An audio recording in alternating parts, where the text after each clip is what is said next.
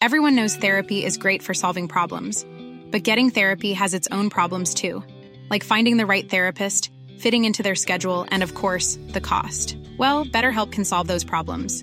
It's totally online and built around your schedule. It's surprisingly affordable too. Connect with a credentialed therapist by phone, video, or online chat, all from the comfort of your home. Visit betterhelp.com to learn more and save 10% on your first month. That's BetterHelp H E L P. Hey, I'm Ryan Reynolds. Recently, I asked Mint Mobile's legal team if big wireless companies are allowed to raise prices due to inflation. They said yes. And then when I asked if raising prices technically violates those onerous two year contracts, they said, What the f are you talking about, you insane Hollywood ass? F- So to recap, we're cutting the price of Mint Unlimited from $30 a month to just $15 a month. Give it a try at mintmobile.com slash switch. $45 upfront for three months plus taxes and fees. Promo rate for new customers for limited time. Unlimited more than 40 gigabytes per month. Slows. Full terms at mintmobile.com. Burrow is a furniture company known for timeless design and thoughtful construction and free shipping, and that extends to their outdoor collection. Their outdoor furniture is built to withstand the elements, featuring rust-proof stainless steel hardware, weather-ready teak, and quick-dry foam cushions. For Memorial Day, get 15% off your Burrow purchase at burrow.com slash ACAST and up to 25% off outdoor. That's up to 25% off outdoor furniture at burrow.com slash ACAST. 15 mars är det årsdag för vårt hittills enda SM-guld. En händelse som är en milstolpe i vår förening och som på något sätt är definierande för vilka vi är och vars betydelse inte ska underskattas på både positiva och negativa sätt. Det är 36 år sedan, men fortfarande viktigt. Det här är resan från Björklövens start till SM-guldet 1987.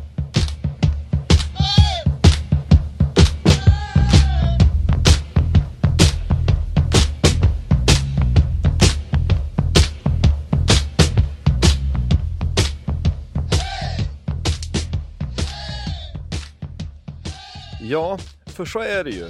Vi har ju ett SM-guld som eh, eh, finns liksom i vårt DNA sedan dess. Men vi ska ta och backa tillbaks lite grann och börja helt enkelt den 15 maj 1970 då ishockeyföreningen Björklöven bildades. Björklöven är en sammanslagning av IFK Umeås och Sandåkerns SK, Sandåkern SKs hockeysektioner. Man slog ihop de här två och inledde de här samtalen av flera orsaker, men vi får väl gissa, eller vi tror, eller vi vet att det, det, det stora handlar om ekonomi.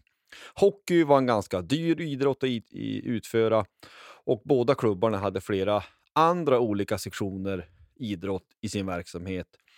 Och i, i det stora hela så var man rädd att sponsorerna inte skulle räcka till. Klubben som bildades då 15 maj 1970, den kallade sig först IFK slash SSK Umeå innan namnet Ishockeyföreningen Björklöven antogs inför säsongen 1971-72.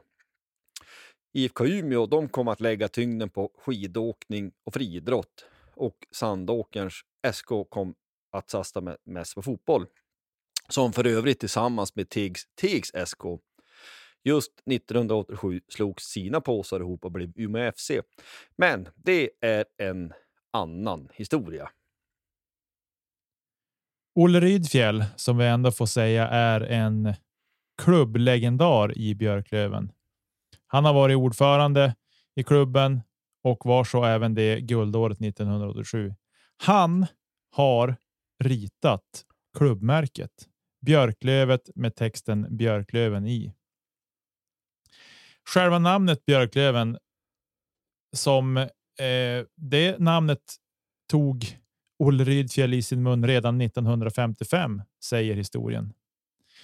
Man kan även titta på IFK Umeås tröjor från 50-talet att ett litet björklöv pryder tröjan så att lövet det har hängt med väldigt länge i hockeyhistorien i Umeå. Det går i rak linje från Rosendalsrinken öst på stan på 50-talet in till Vimpos arena 2023. Den första tiden, som väldigt många av oss vet, spelade klubben i blå tröjor. Men sedan 1973 har grundfärgerna varit grönt och gult. Över tid så har vi även sett att vit färg har blandats in i olika slag och även var det liksom grundfärgen på hemmatröjorna. Andra viktiga ledare den första tiden var till exempel första tränarna Kjell-Olof Barrefjord och Sixten Jonsson. Klubbens första ordförande hette Jan-Erik Janscha Brännström. Och med honom finns det ett otroligt trevligt reportage på Youtube som sändes i samband med Björklövens 50-årsjubileum. Så det får ni gärna surfa in och titta på på Björklövens Youtube-kanal. Ja, det är, ju, det är kul. Det var ju han som eh, lite försynt ställde sig frågan om Hutchings hade liten skalle. Tänkte du på det? Just det. jo, Hutchings och, och prata om att de bjöd på godbullar och sånt. Det var andra tider. Men det är väl lite grann som man själv också säger att det är inte nödvändigtvis roligare nu än vad det var då. Hockeyn är bättre, men roligare behöver man nödvändigtvis inte vara. Men det var ju så här att eh, 1975 så bildades elitserien som då blev rikstäckande. Den högsta serien som kallades allsvenskan var inte det före det. Utan man hade bestämt sig från, från Svenska Hockeyförbundets sida att det var så här man ville ha det framöver. Björklöven misslyckades i kvalet till den här allra första elitseriesäsongen. Men året efter, 1976, så går man alltså upp i landets högsta serie. Dock så blir det respass bara en säsong, eh, så åker man ur. Men 1978 så återkommer man. Alltså man gör det Björklöven gjorde 98 år 2000, fast långt tidigare. Man går upp eh, direkt då efter att man blev degraderad och där stannar man då kvar ett visst antal år. Och redan här så kan man konstatera att vad det gäller lagbygget så har man en stomme som sedan 1982 går till en SM-final mot AIK. Så man kan säga att från klubbens bildande 1970 så går det ändå relativt snabbt att bli en stabil och bra elitserieförening. Och till det finns det väl kanske många olika orsaker, men en förklaring är inte minst att man har bra spelare i de egna leden att fylla på med. Vi kan nämna att eh, 1981 till exempel så vinner Sverige JVM, det känner nog en del till. Och det är med fyra Björklöv i laget. Det är Peter Andersson, Roger Bullen Hägglund och Peter och Patrik Sundström. Så att det fanns en stomme att eh, utgå ifrån redan från början. Sen så tycker jag också att den här finalen 1982, den bör vi nog nämna lite mer. Det är ju många som menar att det är en final som egentligen Björklöven borde ha vunnit. Eh, och Det som kanske fäller lite avgörandet, även om vi även här kan konstatera att det här med ålder är inte samma sak 2023 som det var 1982, men man hade sju stycken som var födda på 60-talet. Alltså man har sju stycken som är antingen tonåringar eller styvt 20. Och det är ju bland annat eh, av en 21-årig Patrik Sundström som han anfördes. Och han lämnar ju året efter för NHL där han skulle, kunna, eh, där han skulle då spela i tio säsonger. Och det här måste jag ju säga, det här är ju, är ju mitt, Josefs första, allra första hockeyminne egentligen, eller Lövenminne. Jag är sex år gammal och jag gråter mig till sömns efter den här nesliga 3-2 torsken i Skandinavium i Göteborg. Och det hör ni direkt då, att ja, men vi Björklöven med AIK och man spelar Göteborg. Ja, men det var så. Den femte avgörande gick på så kallad neutral plan. Så att det var ju annorlunda på den tiden. Det var ju en match som också eh, sägs ha eh, dominerats ganska kraftigt ute i Björklöven. Att den matchen borde man ha vunnit, men det gjorde man inte. Men man blir snabbt ganska bra. Vi ska ju också säga att 1981 då tog man sig till semifinal när man förlorade med 2-8 matcher mot Västra Frölunda. Och med det sagt så ska det också sägas då att det var ju bara de fyra bästa som gick till slutspel vid den här tiden. Så att man gick direkt in i semifinal. Så att gå in i ett slutspel var en bedrift på det sättet i sig själv. Det, det ska också sägas att det är tio lag som spelar elitserien vid den här tidpunkten. Vi måste ju nämna just det här med åldersskillnaden, alltså att man hade ett ungt lag eh, då är ju också en sån sak som jag tänker. Eh, hockeyn var ju annorlunda då också och där påverkade det nog mer att du hade mer erfarenhet och var äldre än vad det gör idag. För då tycker jag att det är ju ganska många lag som har väldigt mycket unga spelare mer som är etablerade liksom A-lagsspelare på ett annat sätt eh, än vad det var då. Så att jag förstår att skillnaden blev större då än vad den kanske är idag. Men vi kan ju ändå konstatera att under mitten av 80-talet så är Björklöven stabila och fortsatt väldigt, väldigt, väldigt bra. 1983, mitt födelseår för övrigt, semifinal 1-2 i matcher mot Djurgården som senare då kniper ett SM-guld. 1984 spelar vi semi igen och där så möter vi Djurgården, men som där de möter då. Eh, förlorar med 1-2 i matcher och AIK vinner senare SM-guld. 1985 semifinal igen. 1-2. Det verkar som ett klassiskt tema eh, i matcher mot Södertälje som då senare tar ett SM-guld. Så att vi hade en, en bra streak där med att ta oss till slutspel, men att vi ryker då i tidigt i, i slutspelet. Eh, så tidigt man kan då, i och med att det var semifinalerna direkt. Eh, 1986 så lyckas man inte, utan man eh, hamnar precis utanför slutspelet. Man landar på en femte plats i tabellen och då blev det inget slutspel i och med att det var topp fyra som gick vidare. Och sen, då är vi framme vid säsongen 86 87. Och vi kan väl säga så här att eh, redan sommaren innan under försäsongen där så grundlades det där guldet som sen skulle bärgas till våren 87. Hans Virus Lindberg kom tillbaks från Luleå som tränare och var, stod då för sin tredje session i klubben och sitt sjunde år totalt. Han la bland annat om sommarträningen och fick in glädje i en flera år favorittyngd klubb. Peter Sundström återvände från proffslivet i NHL och New York Rangers. Peter Andersson, som också var över och spelade i NHL och i Washington Capitals och Quebec Nordics, blev senare också lagkapten när, vid sin återkomst till Björklöven. Det var otroligt viktiga rekryteringar och de där namnen har man ju hört flera gånger efter det här. Ja, det är ju ikoner eh, allihop på ett, eh, på ett eh, eller annat sätt, så ska det ju sägas. Så är det bara.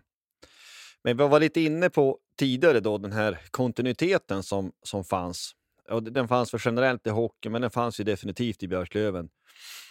I truppen 1986-1987 så fanns det fyra spelare som funnits med redan vid elitserieuppgången 1978. Det var Tore Ökvist, Torbjörn Andersson, Rolf Berglund och Roger Hägglund. Roger Hägglund han eh, kommer vi återkomma till, för det var en, en, en speciell talang på många olika sätt. Han var ju väldigt ung, han var ju bara tonåring. Men så var det i alla fall. Alltså att eh, man, man bytte inte klubb på samma sätt. Man ska också säga att det var 11 spelare som var med och förlorade SM-final 1982 som senare var med och vann då 1987. Förutom de här fyra eh, som jag redan har nämnt så var det Göte Välitalo, Peter Andersson, Peter Sundström, Hasse Edlund, Peter Edström, Jon Lundström och LG Pettersson. Så att eh, kontinuitet som jag, tycker spelar över på ett sätt i det som Per Kente pratar om i våra dagar är kanske inte så dumt ändå. Kontinuitet no, eh, då och kontinuitet nu kanske inte nödvändigtvis är samma sak. Alltjämt för de andra tider och allt det här som alla vet. Det är någonting som jag tycker ändå eh, vi, vi, inte ska förakta. Upplägget var i alla fall som sagt att det var tio lag i högsta serien. Fyra första gick till slutspel. Eh, det ska också sägas att säsongen efter, alltså säsongen 87-88, så utökades elitserien till 12 lag så att kvalet det här året var lite, var lite speciellt. Eh, och det får vi ju ta för vad det är. Vi kan väl, vi kan väl säga att i samband med det kvalet så går ju eh, Väsby upp. Alltså Vilda Väsby som är liksom den största skrällen kanske i svensk hockeyhistoria. Men det är också en annan historia, det får man ta för vad det är. Eh, nuvarande form som högsta serien har med 14 lag, det blev 2015 i alla fall. Själva grundserien, eh, som då var då den här säsongen 86-87, så blev det att Björklöven slutade tvåa i tabellen, två poäng efter Färjestad. Eh, det var 36 omgångar, man mötte varje lag hemma och borta två gånger. Och eh, lite statistik, inte alls mycket, men lite grann. Björklöven vann flest matcher utav allihop, man vann 23 stycken. Eh, man gjorde näst flest mål, 158, och man släppte in minst antal mål, 103. Det ska också sägas att eh, på den här tiden så var det ju, ja, det var ju tvåpoängssystem till att börja med. Och sen så eh, kunde ju matchen sluta oavgjort. Så att det fanns ju inget, eh, ingen förlängning, någon sån, sån jag säga, smörja. Ja. Om vi då kastar oss in i och tittar på den truppen som vi hade den där säsongen, guldsäsongen. Så för alla alla de yngre så vet ni att vi haft en målvakt som heter Daniel Väletalo en gång i tiden i kassen. Men hans pappa Göte Väletalo, han hade nummer 30 och han kom till Björklöven från Kiruna AIF inför säsongen 1980 81 och han var en av Sveriges absolut bästa målvakter under 80-talet. Han gjorde åtta säsonger i Björklöven som spelare och har även varit verksam på senare tid som ledare också. Ja, jag skulle bara skjuta in där också. Han spelar ju landslaget också regelbundet, framförallt i första halvan. Jag tror att han la av efter, eh, ja det var runt 84 där någonstans. Man försökte övertala han senare, men han, ja, hade han en sagt, gång sagt nej så sa han nej. Mm. Men han var väldigt bra. Och sen som backup till honom då båsöppnare så hade vi nummer 25 Jakob Gustafsson och det är nog kanske ett namn som inte så många har hört talas om. Eh, han var från början från Uppsala och han gjorde endast nio matcher den där säsongen för Björklöven 86 87. Ja, eh, precis. Här hade man ju eh, i dagens hockey så har man väl kanske eh, också en uttalad första målvakt, men här var det ju mycket, mycket mer så det var färre matcher så att du orkar ju stå på ett annat sätt. Så här var det ju en första målvakt och han stod ju allt han kunde och ville. Höll på att säga, så länge han inte var skadad. Och sen så hade du en båsöppnare som kanske kunde hoppa in någon gång emellanåt. Kom du ihåg hur tätt matcherna var? Var det två matcher i veckan eller? Ja, alltså som jag minns det så generellt var det torsdag 19.00, söndag 17.00. Ja. Och, och, det var det. Och liksom, jag är ju född i mitten på 70-talet så att här var det att det, då hade ju Sportspegeln 20.30 på söndagar. Det kunde du se. Med lite tur så hade du ju eh, matchbilder från de här matcherna. Eh, Sportnytt eh, var ju 5 och 10 minuter på 80-talet. Eh, men eh, Sportnytt just torsdagar kunde väl vara längre, men det var till och med en halvtimme eller 20 minuter. Det var längre i alla fall. Och då var det ju på gränsen att man fick vara uppe, för det var väl halv tio eller någonting. Och det var väl nosesent när man var 11-12 år, men så var det i alla fall. Eh, det visades ju inga matcher på tv på samma sätt heller. Nu kan man ju se varenda minut av varenda match. Så var det ju inte här. Nej. Det fanns väl något legendariskt nummer liksom direkt till VK till någon eh, telefonsvarare där du kunde få reda på hur det hade gått. Men ville du följa matcherna live så fick du vara på plats live. Helt mm. enkelt. Eh, Radiosporten hade det också, men det, det var no någonting helt annat. Intressant, alltså det, i, i dagens eh, tidevarv är man ju så bortskämd att man kan ju se varenda minut av allt. Men det var ju inte så. Och för min del har ju det här byggt upp faktiskt i någon mening ishockeyintresse man har. Det blev nästan någonting mytiskt. Man visste inte vilka de här spelarna var. Man, man kunde ju knappt se, man fick sina kort klipp på tv med lite tur. Men när man satt och tittade på Sportspegeln då visste ju man ju inte vilken match man skulle visa klipp ifrån. Det fick man ju reda på där och då, till exempel. Och sen så kom det ju en skylt. Så för min del så var det så. Jag fick ju reda på hur gick det för Björklöven. Ja, jag tittade på Sportspegeln och så kom det upp kvällens resultat. Björklöven-Brynäs 1-3, eller vad det nu var. En som rabblade upp det där, men det var ju det man fick reda på. Eller om man läste lokaltidningen efteråt. Mm. Ja, ja, men vi fortsätter med truppen, men det, det är intressant eh, sånt här, hur saker och ting har förändrats. Går vi in på backsidan, vi kan säga så här, vi, vi läser ju bara inte någon särskild nummerordning eller någonting, utan vi, vi tar det bara rakt upp och ner. Men Eh, backar i alla fall, så börjar vi med nummer två, Torbjörn Andersson. En av de här som kom in eh, och som spelade hela vägen från elitserieuppgången 78 via finalen 82 och som vann då 87. Han har 16 säsonger i Björklöven och han spelade hela sin karriär i Björklöven. Han spelade inte i någon annan förening. Han har ju två hockeyspelande söner, Erik Andersson och Nils Andersson. Eh, så att jag tyckte det kan på något sätt lite på volley och från vänster kanske var värt att nämna. den som minns det så var det ett, ett ganska eh, stort rabalder när Erik Andersson gick till Skellefteå. Eh, för det är många år sedan nu, för det är länge sedan han la av. Men det är ju det här man ska ha med sig då. Eh, vi, vi, kan tycka att det är ett yrke, man kan tycka det mycket och vi har ju försökt alltid ha devisen människa, människa först, spelare sen.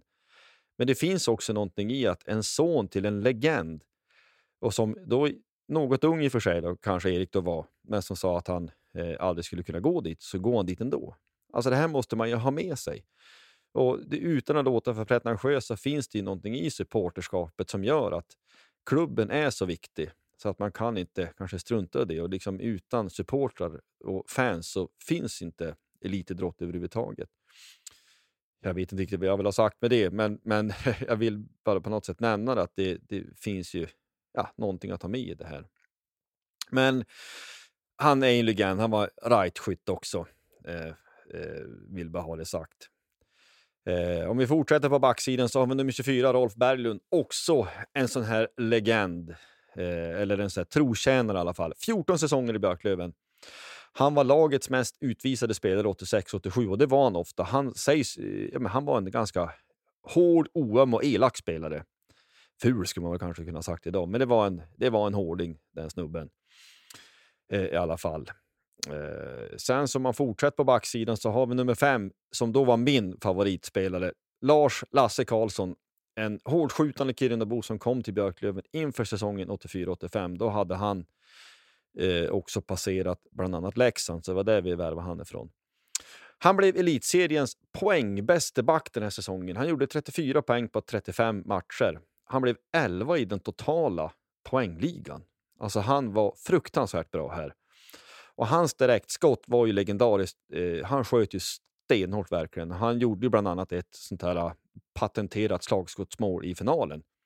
Det var på den här tiden man sköt slagskott i powerplay. Han fick ett parallellt med Brobin och klippte till direkt upp i plockkrysset med och där stod nätet som en strut. Eh, som jag vill minnas det. Och det här, eh, just finalen, det kommer vi också återkomma till senare, själva finalserien, men eh, det finns ju lite klipp på Youtube som man kan titta.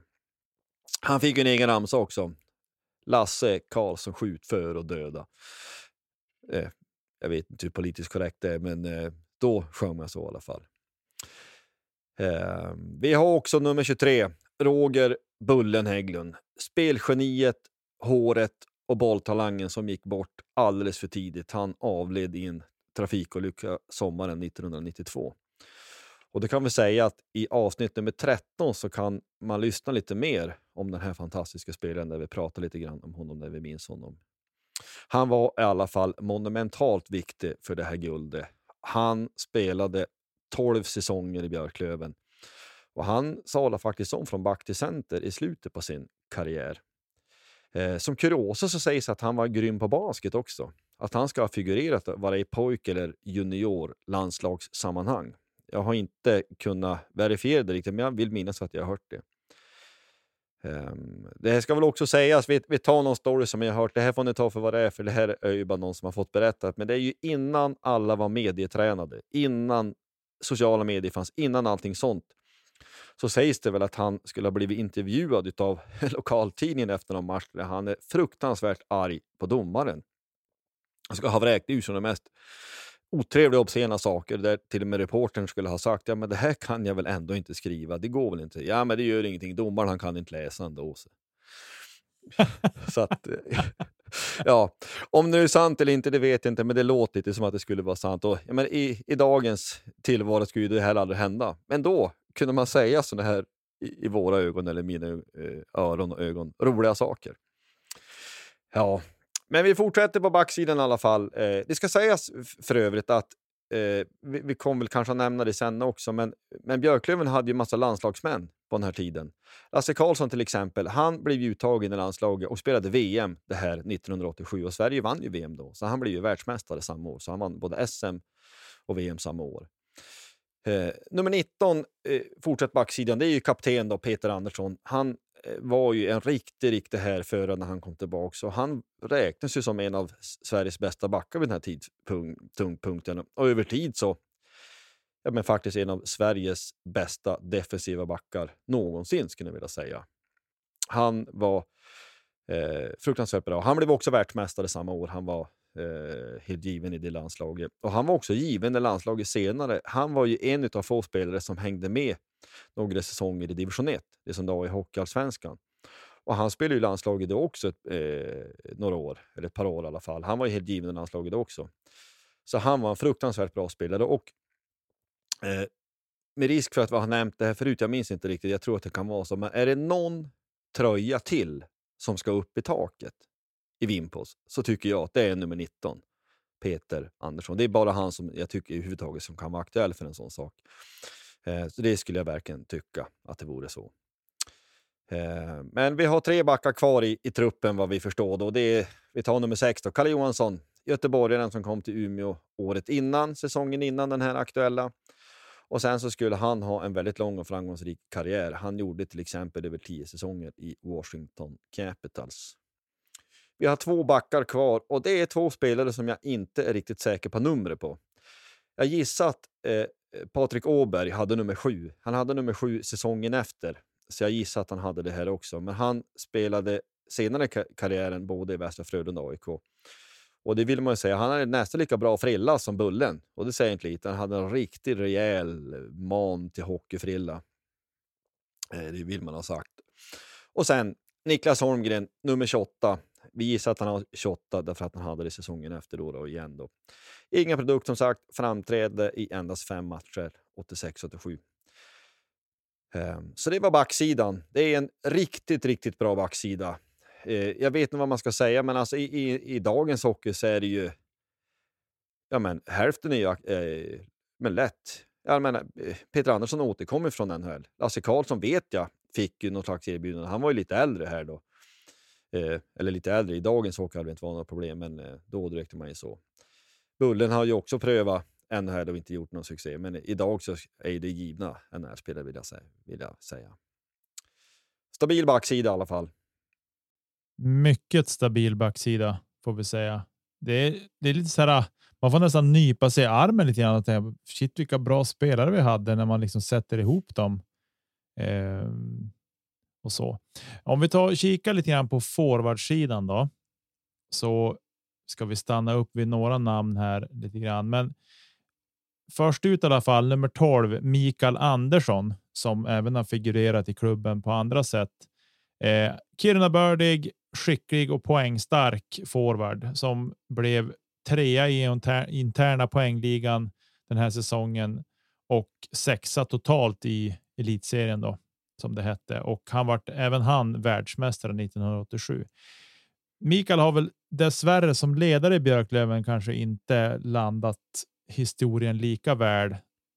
Eh, och det kanske för väldigt många säger är det de minns honom för.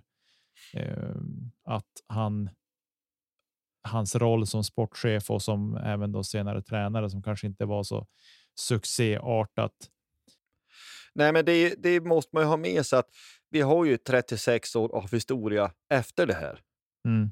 Alltså tittar man på spelaren Mikael Andersson så är det rent krasst, det är en av de skickligaste eh, forwardsen som har spelat i klubben någonsin. Mm. Alltså han är lätt topp 10. Kanske ännu bättre. Han är ju fruktansvärt bra eh, som spelare. Och det, det är tyvärr på ett sätt lätt att glömma bort. Sen så kan man ju inte heller bara strunta i hur han lyckades eller inte lyckades som ledare. Men eh, som vi brukar säga, skilja på spelare och människa. Och faktiskt i det här fallet, i det här avsnittet i alla fall, eh, skilja på spelare och ledare.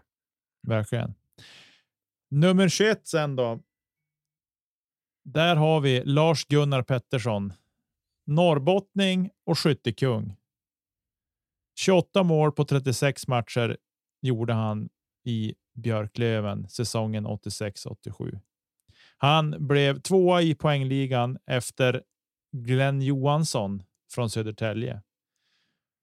Han hade ett ökänt direktskott och även han fick vinna VM 1987. Ja, men eh. alltså, jag måste säga, är det någon som fattar hur sinnessjukt bra 28 mål på 36 matcher är? Nej, det är, det är svårt att ta in. Det är svårt att ta in faktiskt. Eh, det är, det är galet. Det vad det. Eh, bara, bara från bakom örat, vad, vad leder han, eller vad var han som vann grundserien i år i SHL? Hur många mål gjorde han? Somela var väl det? Ja, jag vet inte faktiskt. Ja. Det går ju att ta fram. Ja, precis. Ja, men fortsätt, fortsätt du. Nummer 16, Mikael Hjelm, kanske inte så känd för många, gjorde en hel del säsonger även i Modo och i Rögle. Han gjorde över 100 landskamper i sin karriär och det säger ju ändå någonting om vilken nivå av spelare vi hade den här säsongen. Vi pratar om VM-guld och landskamper eh, om vartannat. Nummer 14, Ulf Dahlén, pappa till Timrå-spelande. Jag tappar namnet på pojken. Jo, Jonathan. Jonathan Dahlén. Och han var väldigt ung när guldet bärgades. Jämtlänning som han är så var han bara 20 år gammal när de tog guldet 87. Och han hade även då senare en väldigt lång karriär i NHL innan han återkom och spelade ett par säsonger i det som då kallades för elitserien innan han la av till slut. Ja, jag tvärkollar upp här, men jag ska inte... Eh, Somela hade eh, 37 mål på 51 matcher. Men eh, två tvåa och trea i skytteligan är ju, har gjort 23 mål. Det är Mörre, Temmelin, Schmeichel och Karlqvist. Eh, så att det är ju faktiskt sanslöst att de här 28 målen fast på 36 matcher skulle ha gjort att han i dagens SHL skulle ha blivit tvåa i skytteligan. Mm. mm. Ja, det är helt galet. Helt galet är det. Nummer 10. Matti Pauna. En otroligt teknisk spelare. Och det finskklingande namnet kanske då eh, inte rimmar så väl med Västernorrland. Och som han då var. Han kom från Västernorrland. Eh, han fick även vinna ett SM-guld med Malmö. Den här säsongen 86-87 så blev han femma i interna poängligan med 30 poäng på 34 matcher. Det är ett ruskigt bra poängsnitt Mm. och även han fick då vara med och vinna VM-guld 1987. Nummer 18. Och det här är ju en av våra mer kända spelare. Peter Sundström. Den ena utav supertvillingarna. Han blev tvåa i interna poängligan, trea i elitserien totalt och även då han fick ju vinna ett VM-guld 1987. Och det här namnet Sundström som går runt, runt, runt, runt. Det är ju ett namn som förknippas med Björklöven när man pratar med en hel del ja, men folk i egen ålder och kanske något yngre också. Men det är liksom Sundström som som sammankopplas direkt då. Nummer 22. Peter Pekka Edström. Han var en slitvarg och även han med ett starkt klubbhjärta. Han gjorde över tio säsonger i Björklöven och det jag tycker att det är en stor skillnad på det idag också mellan. Eh, ja, men idag far en spelare som stannar länge blir det som en trotjänare och kanske någon som kommer från orten och så, men det är liksom.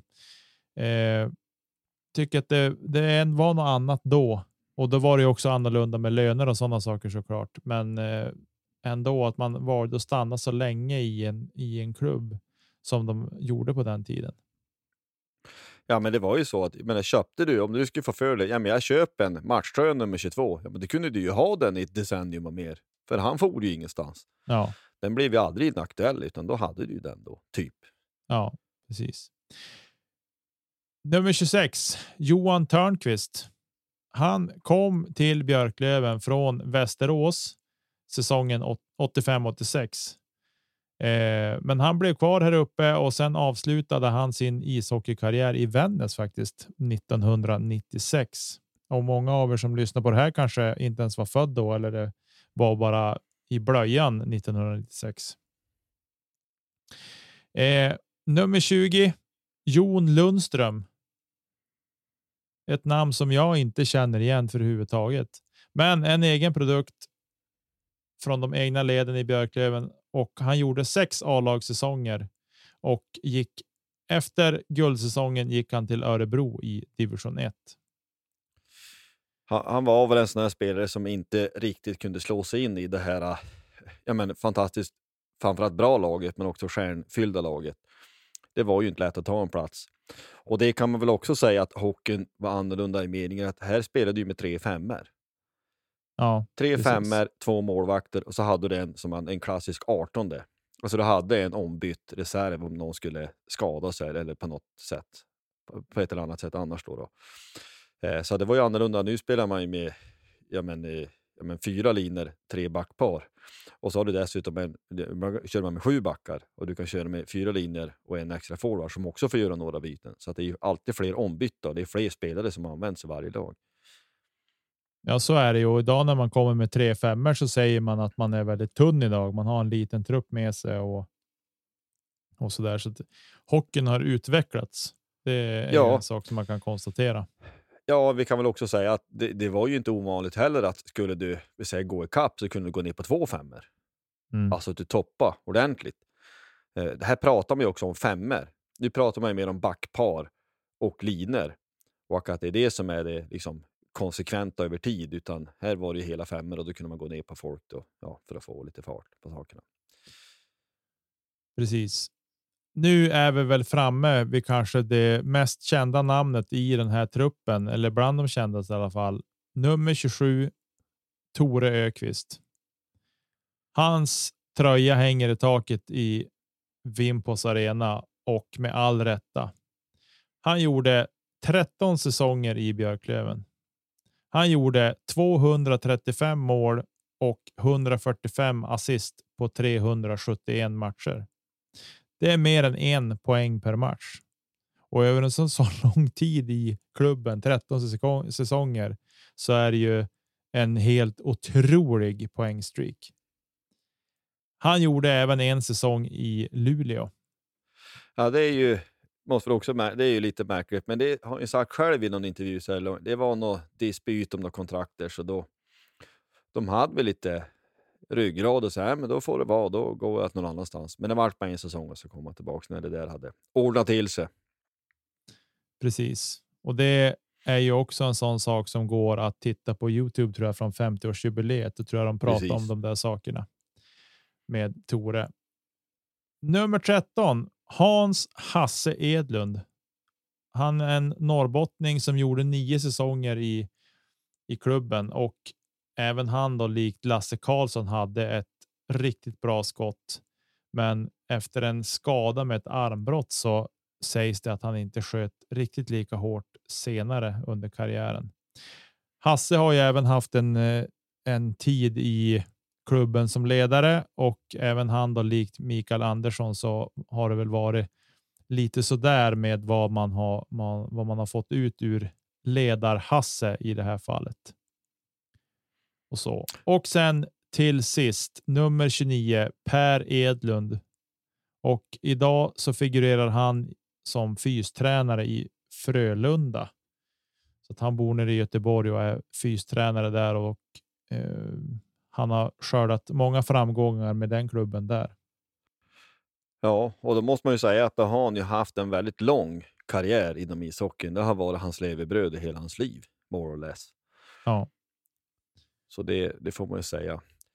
Nej, men om man ska knyta ihop det här, det här är en, en fruktansvärt bra trupp. Det är ju eh, ja, men det är ju stommen till ett landslag. Direkt efter det här guldet så är det åtta stycken som nomineras till VM-truppen eh, som då eh, ja, men direkt efter finalserien då, eh, togs ut.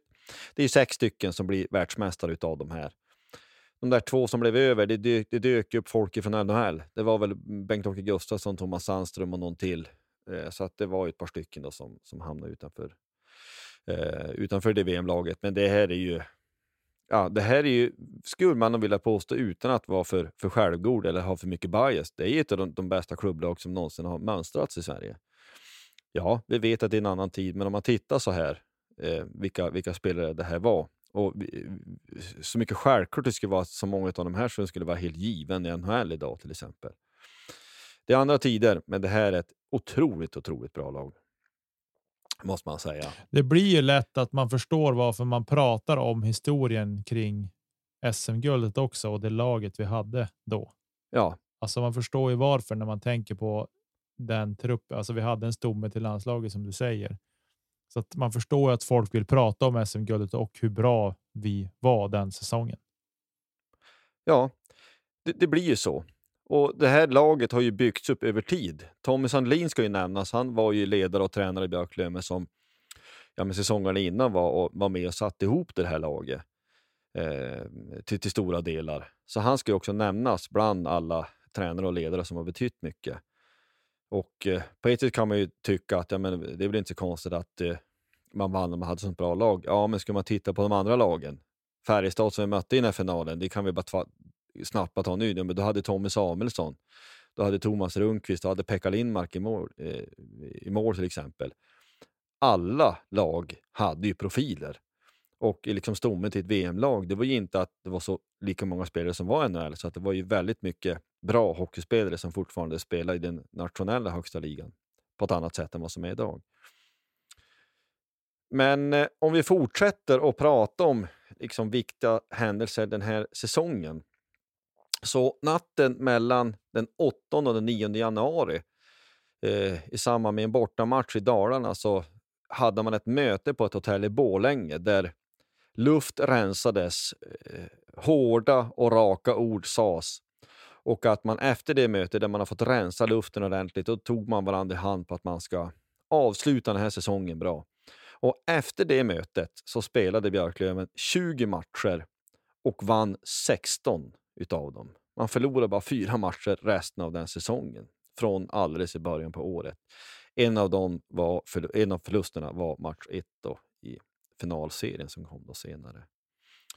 En annan sak som är väldigt viktig det är att Björklöven var ju otroligt hemmastarka. Eller sanslöst hemmastarka den här säsongen. Man spelade totalt 21 matcher i Umeå ishall. Man vann 19 utav de 21 matcherna.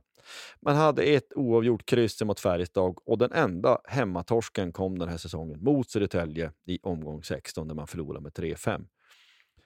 Så det är ju nästan man måste sätta sig ner och vila när man tänker på det. Vi gick inte att slå hemma i Umeå. Det var eh, otroligt starkt. Ja, det är helt otroligt. Det är en helt otrolig streak. Tänk dig man ska höra om ett lag nu som skulle säga ja, men vi förlorar. Vi har bara förlorat fyra matcher hemma den här säsongen. Resten har vi vunnit. Det är inte så många lag som någonsin tror jag man kan säga så om. Ja, nej, men alltså det, det, det streaken och att ja, men du spelar 21 matcher och vinner 19. Det är ju sjukt. Det går inte att säga annat. Det är, det är otroligt, otroligt bra. Så att det är ett bra självförtroende att gå in i ett slutspel med.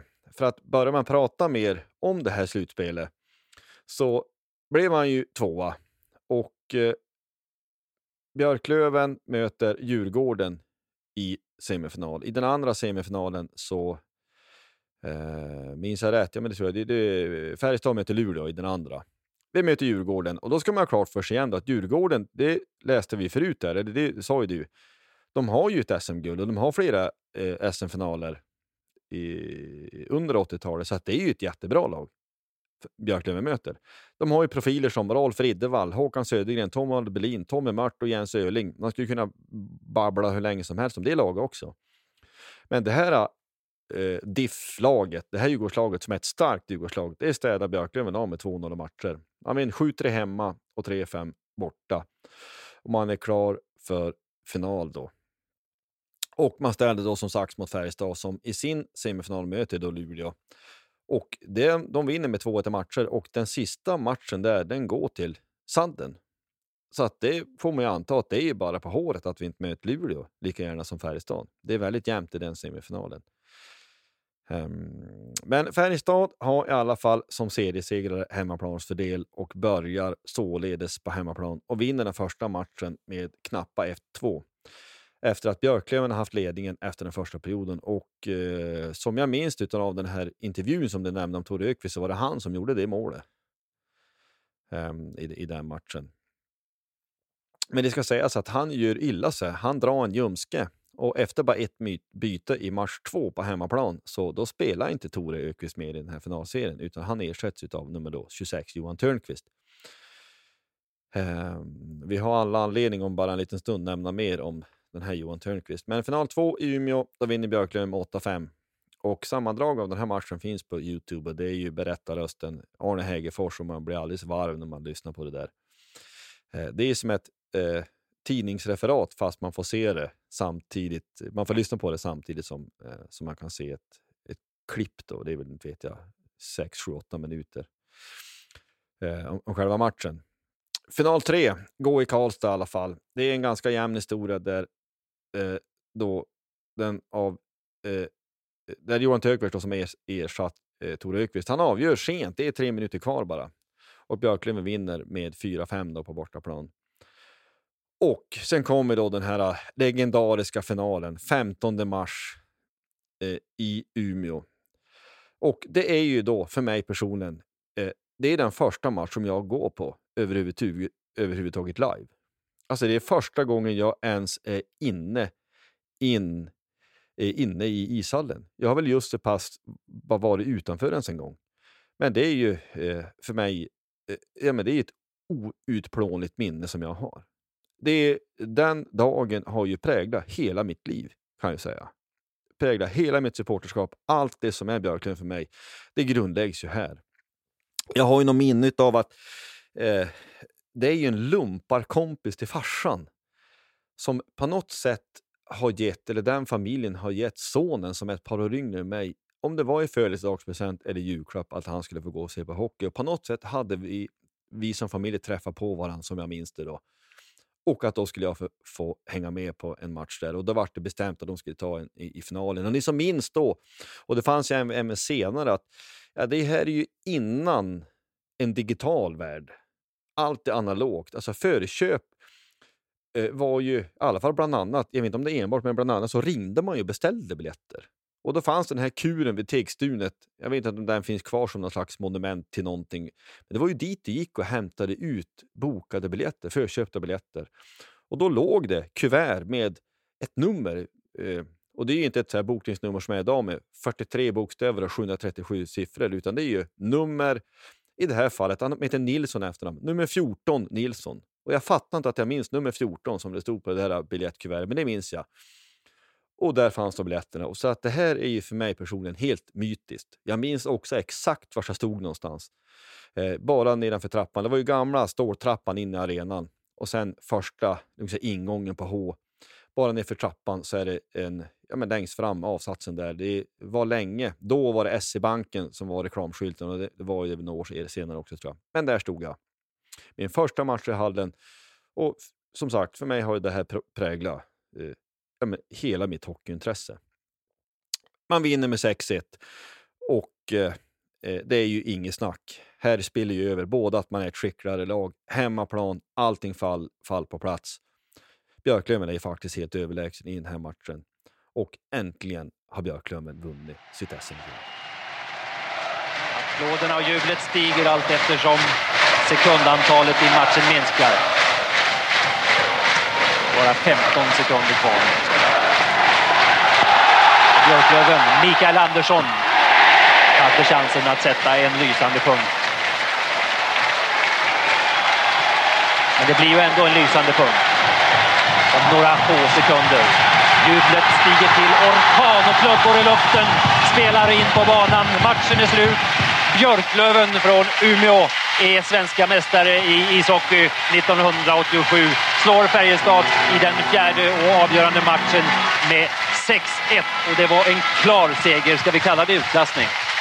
Ja, det blev det eh, i slutet, andra halvan av matchen. Färjestad var med och fram till 3-1 efter 11.30 lite drygt i andra perioden. Sen var det bara för första gången i SM-serien tycker jag ändå riktigt. Där såg man klasskillnaden just under de här matcherna. Och eh, Färjestad har gjort mycket, mycket bra ifrån sig, men har inte räckt till. Björklöven har varit bättre, har spelat en rappare ishockey, skapat mycket, mycket fler chanser. Överhuvudtaget eh, varit mycket, mycket duktigare i sitt spel. Och det är bara att gratulera Virus Lindberg och hans Björklöven, Olle Rydfjell, Getle och så vidare. Och gratulera Virus Lindberg. Som sagt, Björklöven hade inte mindre än åtta av lagets spelare i, i Tre Kronors VM-trupp. Sex stycken kommer att bli eh, världsmästare då, eh, senare på våren. Och här står ju då ishockeyföreningen, på, eh, ishockeyföreningen Björklöven på sin absolut största topp. Eh, och eh, där och då så antar jag väl att man tänkte att ja, men, nu är vi bäst, när vi vunnit över det här. Men nu har vi som sagt 36 år av historia efter det här. Så man kan ju ställa sig frågan, vad hände sen? Och varför hände det som hände sen? Men vi kan ju ta ett par år till, lite sådär att ja, men 1988, säsongen efter bara, så går ju man till final. Och egentligen så kan man nog på ett sätt säga att den finalen som man går till, det är en nog så stor sportslig prestation som vad guldet var på ett sätt. Man har tappat några tongivande spelare.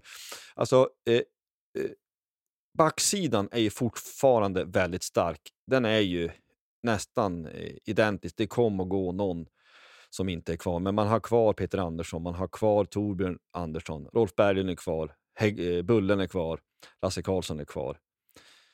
Eh, men eh, eh, man, man måste ju säga det här, nu blir det lite rörigt, men att man går till final 88, det är en, en stor sportlig prestation. Men sen så går det bara en säsong, säsongen 88-89, så då åker Björklöven ur.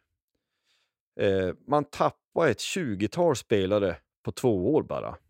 Eh, och man kan se på, när man tittar på trupperna, att det är ju bara tre forwards kvar från guldlaget som spelar i, spelar i klubben bara två säsonger senare. Per Elin är kvar, Peter Edström är kvar och eh, Johan Törnqvist är kvar. Men resten är ju utbytt. Och ser man då på det lag man hade, men du ersätter ju inte landslagsspelare eller det som är då egentligen NHL-spelare. Det går ju inte. Och här är väl ett liksom misstag som man har gjort. Att man kanske... Eh, man tog guldet, det är en fantastisk prestation. Och sen så kanske det finns en viss mättnad efter det. Björklöven har tre uppgångar efter det här. 1993, 1998 och 2000. Men man har ju aldrig varit en etablerad elitklubb sedan den här tiden. För ärligt talat så måste man ju eh, säga att Björklöven, de säsongerna man då går upp, så är man ju inte nära att hålla sig kvar. Man blir ju toksist de tre säsongerna som det blir. Du, en fråga här för ja. en som är lite yngre än dig. Den här uppgången som var 93, den pratas det ju extremt lite om. Ja. Tycker jag. Det är 98 och 2000 man pratar om sen SM-guldet. Varför pratas det så lite om den uppgången? Var det liksom var det bara flax eller hade vi liksom? Eller hur gick det till då? Jag var alldeles för ung och följde inte hockeyn då på det sättet. Ja, jag vet inte om jag är rätt person att svara på det här, men jag, jag tror att alltså arvet från 80-talet fanns kvar. Alltså man tyckte väl att det var fullständigt självklart att vi egentligen är en elitserieklubb. Sen så hade man ett bra lag. Tittar man på det laget, alltså 92-93, då har ju Sascha kommit till klubben. Eh, Patrik Sundström har ju återvänt ifrån NHL, så han spelar. Vi har ju Jörgen Wikström har ju värvats då i målet, så han är väldigt bra. Och Peter Andersson är fortfarande kvar. Eh, så att man har ju ett, ett bra lag, det, det, måste man säga att man har. Men man går upp och jag, jag är kanske fel person att, att svara på varför det gick som det gick, men man var ju uppenbart inte tillräckligt bra eh, för att hålla sig kvar. Sen var ju upplägget lite annorlunda då också. Det var väl en superallsvenska efter jul där man mötte där de sämsta i elitserien mötte eh, jag säga, allsvenska lag på den vänster. Då. Det, ja, det, det kan väl lämna det här, lämna därhän själva, eh, själva upplägget. Eh, jag var på, sa kanske, jag var på den sista matchen där vi gick upp, det var mot Troja. Så att eh, Björklöven var bra, men man lyckades ju inte få ihop det helt enkelt för, för att hålla sig kvar. Men jag kan hålla med att det var ju en, en, en eh, också en bra eh, prestation, givetvis. Det var inte lätt att gå upp då. Och det är inte lätt att gå upp nu heller. Och det har det väl aldrig varit i, i, någon tid överhuvudtaget. Man hade ett bra lag, eh, men eh, man lyckades ju tyvärr då inte hålla sig kvar. Jag vet inte om det var en svar på din fråga. Nej, men jag, alltså för mig, när vi gick upp 98, den matchen var jag på för övrigt mot mm. Södertälje där, eh, så vet jag att jag frågade pappa, tror jag, typ dagen efter eller om det var samma kväll vi åkte hem från matchen eller hur det var om det där. Ja, men har inte Björklöven spelat elitserien sedan de liksom åkte ur 89 då? Så bara, jo, jo, jo, de var upp en sväng och vände. sa han då. Jag bara, jaha, när då? Jag hade, alltså jag hade inte den blekaste aning. Eh, jag var ju tonåring här så att man, och hade inte samma tillgång till internet och sånt som man har idag. Eh, men just att jag tycker att om vi bara tittar tillbaka de senaste 20 åren, det är 98 och 2000 som det pratas om. Mm. Eh, jag tycker det pratas extremt lite om den säsongen eh, 92-93 när vi gick, tog oss upp igen då så att säga. Eh, så att det är därför jag är bara lite frågande. Inget, inget viktigt så, utan mer bara liksom varför det inte pratas så mycket om det. Att vi faktiskt har spelat liksom tre svängar sedan SM-guldet har vi spelat i, i landets högsta liga. Eh, det är mer så bara och jag tycker att det har inte pratat så mycket om det alls. Och det är väl lite i sig anmärkningsvärt kan jag tycka med tanke på hur mycket det har pratats om både 98 och då även då 2000 som var en otrolig prestation. Ja, ja, nej, men det, det är en bra fråga. Eh, precis. Jag ska också säga så här, och den här 93 ska man säga, då var det ju Virus som tränade igen. Mm. Alltså, det var som att det, det krävdes att det var Hans Sirius Lindberg som tränade oss för att det ska, jag säga, att det ska, det ska bli någonting eh, på den här tiden. Men jag, jag lyssnade på en podd, om du tar just Virus som ett exempel, jag lyssnade på en podd för några år sedan med eh, Niklas, nu är det Görgel Holmgren, där han samtalar med då Hans Sirius Lindberg. Och eh, han eh, sa ju upp sig, eh, som jag har förstått i några tidningsartiklar jag har läst. För jag har ju, alltså, eh, jag fick ju tag i via Tradera ett nummer av tidningen Hockey som Svenska Hockeyförbundet gav ut. Som är då numret som kom efter guldet. Så det, det kanske är lite eh, på ett sätt eh, idén eller grunden till varför vi gör det här avsnittet. Att man fick läsa några artiklar där man tänkte det här borde vi vilja uppmärksamma på årsdagen.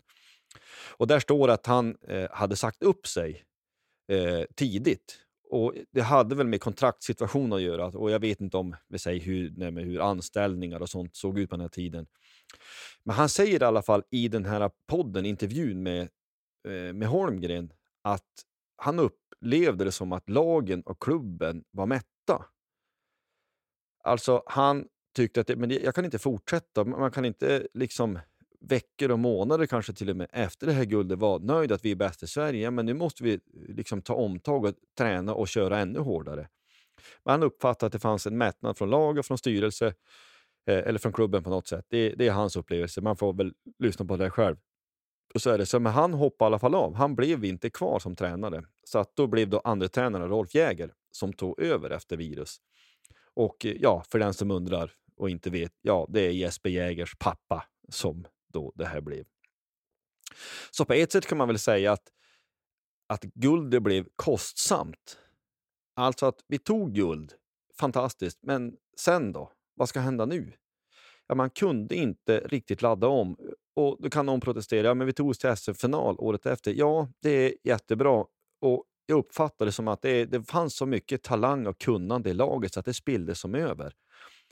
Men sen så kunde man inte fylla på med spelare och kunde inte förvalta det här. Så att de här tre högsta seriesäsongerna som vi har haft sedan 80-talet, de har ju som sagt, och som jag sa förut, de har slutat med att vi hamnat tok sist och vi har ju egentligen inte varit nära att hålla oss kvar. Eller på ett sätt är det ju så. Kvalserien 2001 den är ju fortfarande bitter. Det är ju egentligen ett mål ifrån att vi håller oss kvar. Alltså ett vältajmat mål. Näst sista matchen är det straffläggning mot Södertälje. Vinn med den straffläggningen är vi kvar. I sista omgången så behöver Södertälje om det är vinna eller ta poängen på Linköping. Men i alla fall, det hade räckt med ett mål till för Södertälje den matchen de hade hållit oss kvar.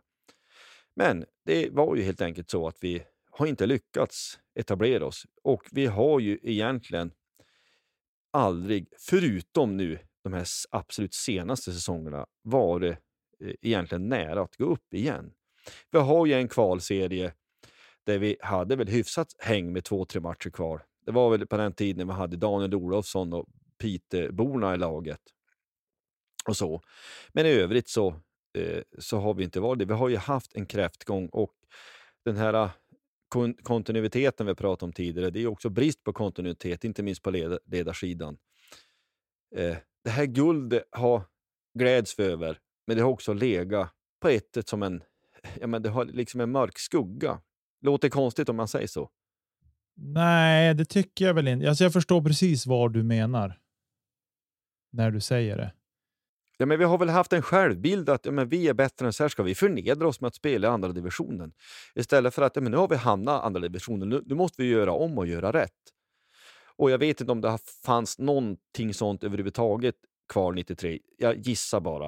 Eh, eller jag gissar inte ens, jag slänger bara ut det som en tanke. Jag vet inte. Men vi lever ju i, i liksom en tid där det är länge sedan vi var ett, ett, ett högsta divisionslag.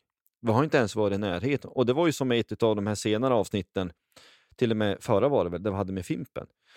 Jag reflekterar över det när man har sett på Fimpens resa, och man nu bortsett från allt det att det kan vara tramsigt allt vad det nu är, så har det varit lite grann hos mig faktiskt en liten, en liten tagg eller någonting. Att ja, men han far omkring, pratar med gamla spelare, pratar gamla minnen och så inser man att Björklöven är inte på något sätt en del utav de minnena.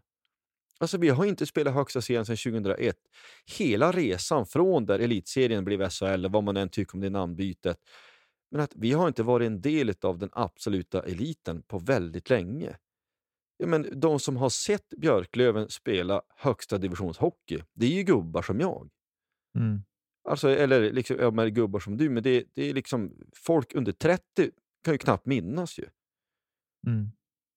Eh, så att man ställer sig frågan, nuet och framtiden, vad tycker du? Va, vad händer nu? Eller vad, vad på något, hur ser du på med när vi har glatt oss åt historien och men vi tänker att nu är vi i en nutid och går alldeles strax in i ett slutspel. Hur, hur tänker du liksom när man nu ska liksom knyta ihop det här på något sätt? Inte minst känslomässigt på något sätt. Då. Ja, alltså jag har, fick ju föräras i alla fall att vara med om två uppgångar. Får vi säga, både 98 och 2000. Eh, så att på så vis är man glad att man har varit med om de grejerna. SM-guldet var jag, jag var bara fyra år då, eller skulle fylla fyra 87. Och det är ju, alltså jag har inget minne av det så alls, utan men däremot så tycker jag att det SM-guldet har varit har varit liksom något man, ja, men vi har ju ett SM-guld 87. Vi har ett SM, alltså det har ju hängt med ja, men bara de senaste fem, sex åren har man hört folk prata om. Ja, men vi har ett SM-guld 87. Att vi hänger kvar så mycket i historien och så. Om vi nu tittar nutid om man så säger, än om det nu börjar vara ett par år sedan vi hade den här fantastiska säsongen 1920 när vi när de avbröt slutspelet på grund av pandemin då, som slog till. Så alltså. Vi. Vi har nog inte en bättre chans nu än vad vi haft på väldigt, väldigt, väldigt länge. Kanske bortsett från säsongen 1920 då, när jag, jag är helt övertygad. Hade vi fått spela vidare så hade vi gått upp. Det är jag helt övertygad om. Eh, men någonstans så känns det som att 1920 säsongen var inte heller bra för supportrarna Björklöven. För föreningen var den suverän, men för supportrarna så var den, supportrarna var den inte jättebra. För sen vart det säsongen därpå när det tragglade lite grann och inte gick lika lätt så vart det en frustration bland supportrar och vi var inte vana att kunna vinna på det sättet som vi gjorde 1920, vilket gjorde att kravbilden kanske förändrades en del de kommande säsongerna. Ja, men nu har vi Per Kente och sådana saker. Med det sagt så med stundande slutspel så ser jag verkligen fram emot. Jag tror att vi har en bra chans, om inte den bästa vi kommer ha på på lång tid. Faktiskt är jag rädd också lite grann för lite skräckblandad förtjusning faktiskt. Ja, ja, men där är vi eh, eh helt, helt och hållet överens. Alltså det har funnits som sagt lite av en ja, men självgodhet är kanske fel att säga, för vi, vi stryker under det hundra gånger. Alltså du kan inte bli mer än bäst. Alltså bäst i Sverige har vi varit en gång. Och det är det många klubbar som inte har varit, som spelar SHL har spelat där, väl, spelat där massa herrans år. Eh, men det kan ligga som en börda och i någon mening så kan den här 1920-säsongen också göra det, fast på ett annat sätt. Alltså supporterskap mer eller mindre hela tiden från 2001 till 1920 har ju varit eh, lite grann i uppförsluta, om man uttrycker sig milt. Vi blev skickade till division 1 och då har vi inte nämnt någonting.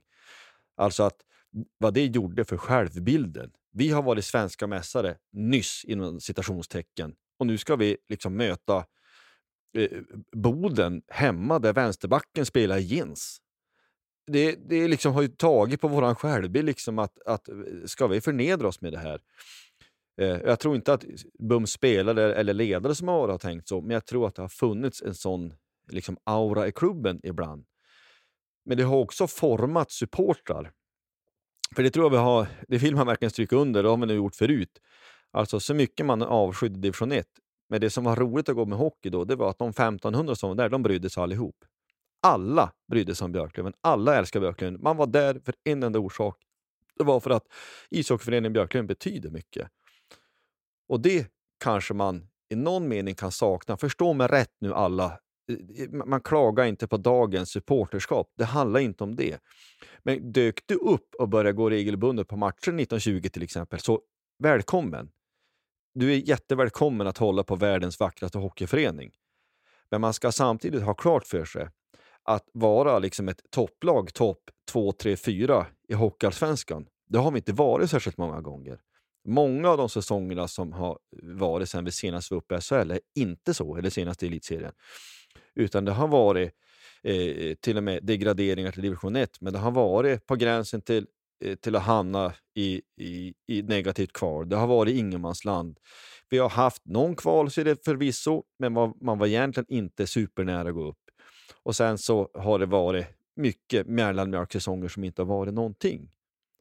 Så att eh, det måste man ha med sig att, att det är länge sedan, det är riktigt länge sedan vi var bäst i Sverige.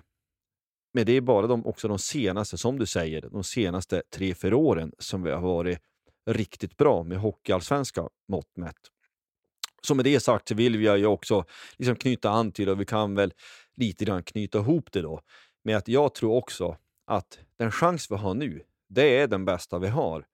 Så, så, så ser jag också det för under överskådlig tid. Orsaken till dem är flera, men bland annat är det faktiskt att Djurgården som nedflyttat SHL-lag har inte gått så bra som vi har trott. Jag trodde ju mer eller mindre att de skulle vara som HV71 förra året. Att de kommer att städa av grundserien, de kommer att gå in i ett slutspel och de, det kommer att vara en superfavorit och det, du kommer vara en praktknall om någon ska slå dem. Eh, man kan säga att ja, men det var ju jämnt i finalen mot HV71 Ja, men vi förlorade med 4-2. Vi gick på knäna och ärligt talat så var vi inte supernära. Vi var ett underskott eh, under sina ribban från en match 7, det har vi sagt 58 miljarder gånger. Ja, men vi förlorade finalen. Och vi vet inte om HV hade kanske kunnat ha ytterligare en växel att lägga in. Det vet jag inte. Det kanske de inte hade.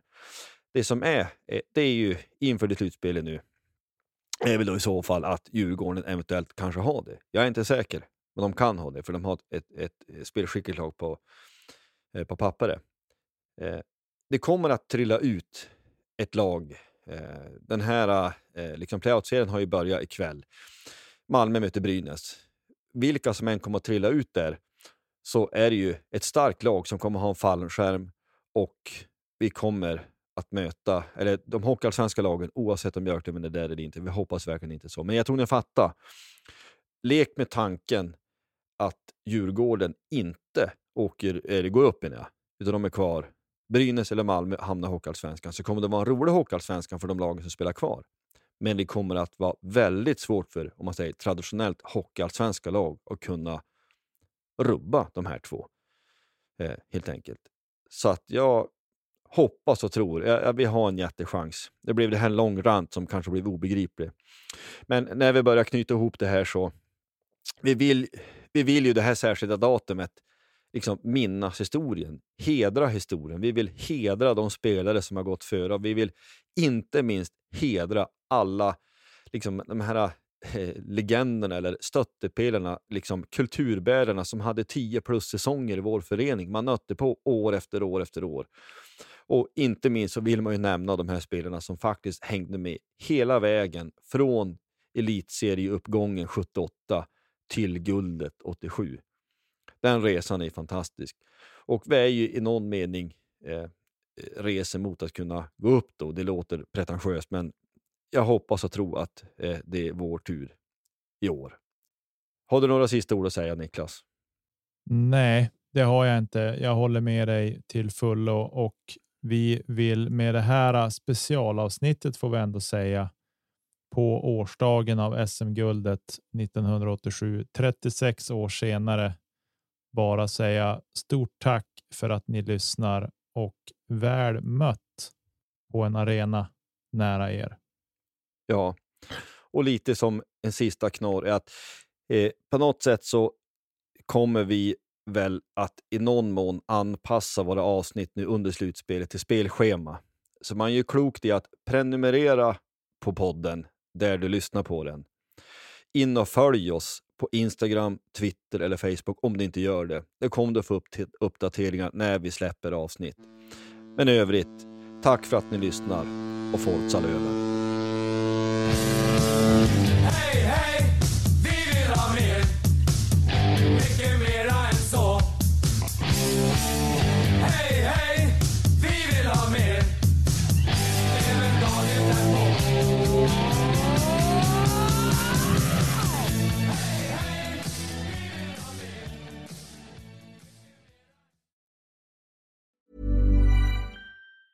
Hi, I'm Daniel, founder of Pretty Litter. Did you know cats tend to hide symptoms of sickness and pain? I learned this the hard way after losing my cat, Gingy. So I created Pretty Litter, a health monitoring litter that helps detect early signs of illness by changing colors, saving you money and potentially your cat's life. Pretty Litter is veterinarian developed, and it's the easiest way to keep tabs on your fur baby's health right at home. Go to prettylitter.com and use code ACAST for 20% off your first order and a free cat toy. Terms and conditions apply. See site for details. Hey, it's Paige DeSorbo from Giggly Squad. High quality fashion without the price tag. Say hello to Quince.